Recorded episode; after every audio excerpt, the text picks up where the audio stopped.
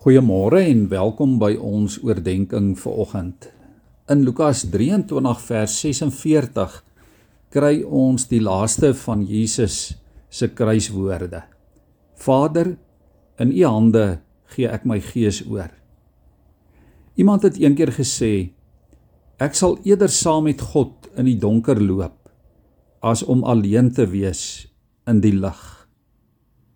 Liewe vriende, die afgelope week het ons gehoor dat Jesus vergewe al word vergifnis nie gevra nie. Ons het gehoor dat Jesus die geskenk van lewe gee selfs ook aan mense wat dit volgens menslike en wêreldse standaarde nie verdien nie.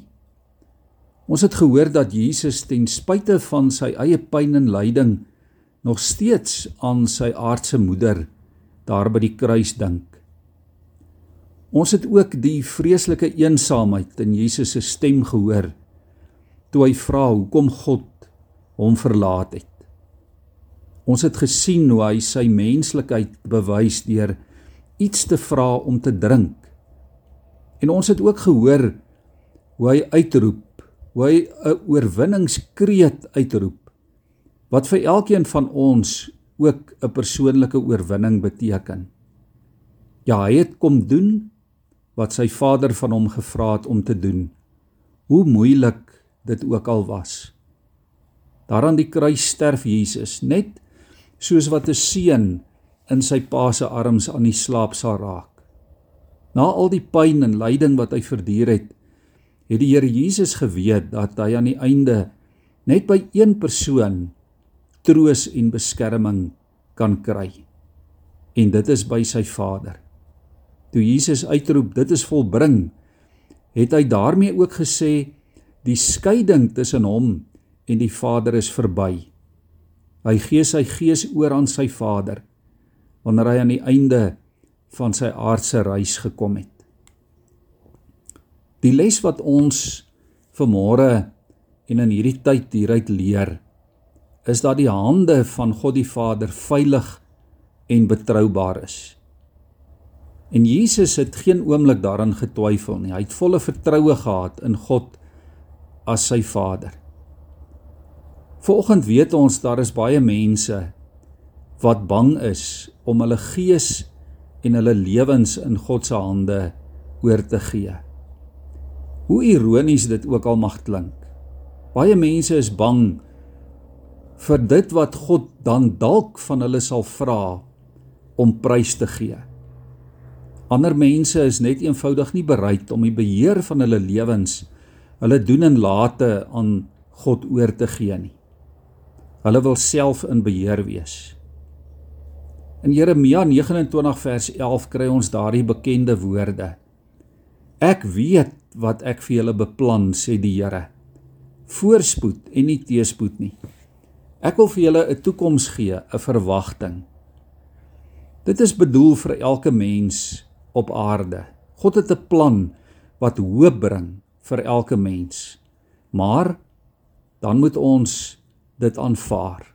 Dan moet ons God daarvoor vertrou en onsself daarvoor in God se hande oorgee. Wat Jesus se woorde hier aan die kruis daar aan die einde vir ons wys, is dat wanneer ek my gees aan die Vader oorgee, hy my van 'n geestelike dood opwek.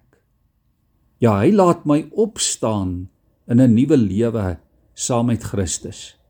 Toe jy en ek self aan die stuur van ons lewens gestaan het, was ons geestelik dood. Geestelik was daar geen pols in ons verhouding met God nie. Daar was geestelik geen koneksie tussen my en die Here nie. Die deur van my hart was agter slot en grendel. Maar net soos wat Jesus opgewek is uit die dood, net so kan ek en jy ook weer opgewek word uit ons geestelike dood. Jesus as offer aan die kruis het daardie genade vir ons elkeen moontlik gemaak. Deur sy genade wek God ons op uit ons geestelike dood en maak hy van ons nuwe mense. Paulus sê daar in 2 Korintiërs 5 vers 17: Iemand wat aan Christus behoort, is 'n nuwe mens. Die ou is verby die nuwe het gekom. Deur die Heilige Gees begin God my hart verander.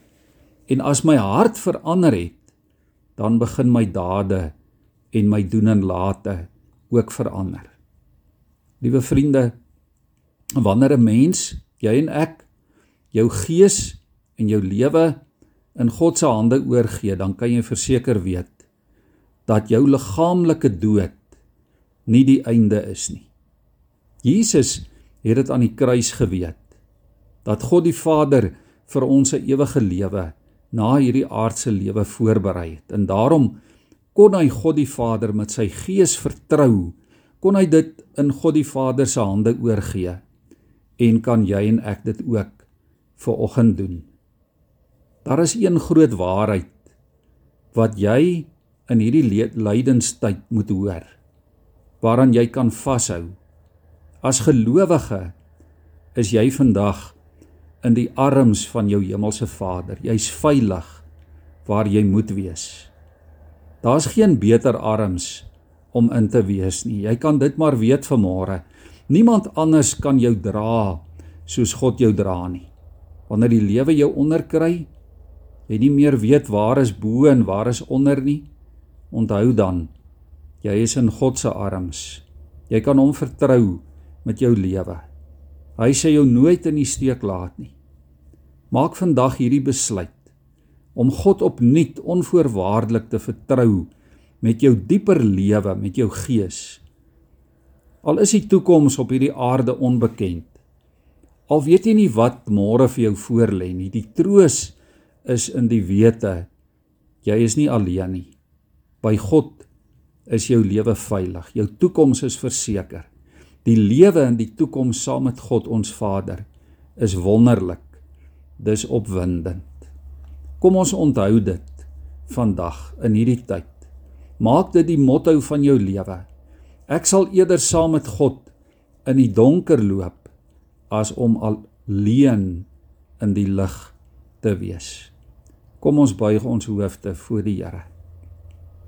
O Vader, dit is vanmôre ook ons gebed. In U hande gee ek my gees oor. Here, in U hande gee ek my lewe oor. Gee ek my alles oor. My gedagtes, my drome, my ideale, my vrese, my onsekerhede. Ja Here, ek kom en ek lê myself in U arms. Ek gee myself oor aan u sorg, Here. Leer my om op u te vertrou. Leer my om afhanklik te wees, Here. Dankie dat ek dit kan bid in hierdie tyd in die wete dat ek dit mag doen in die naam van Jesus ons verlosser. Amen.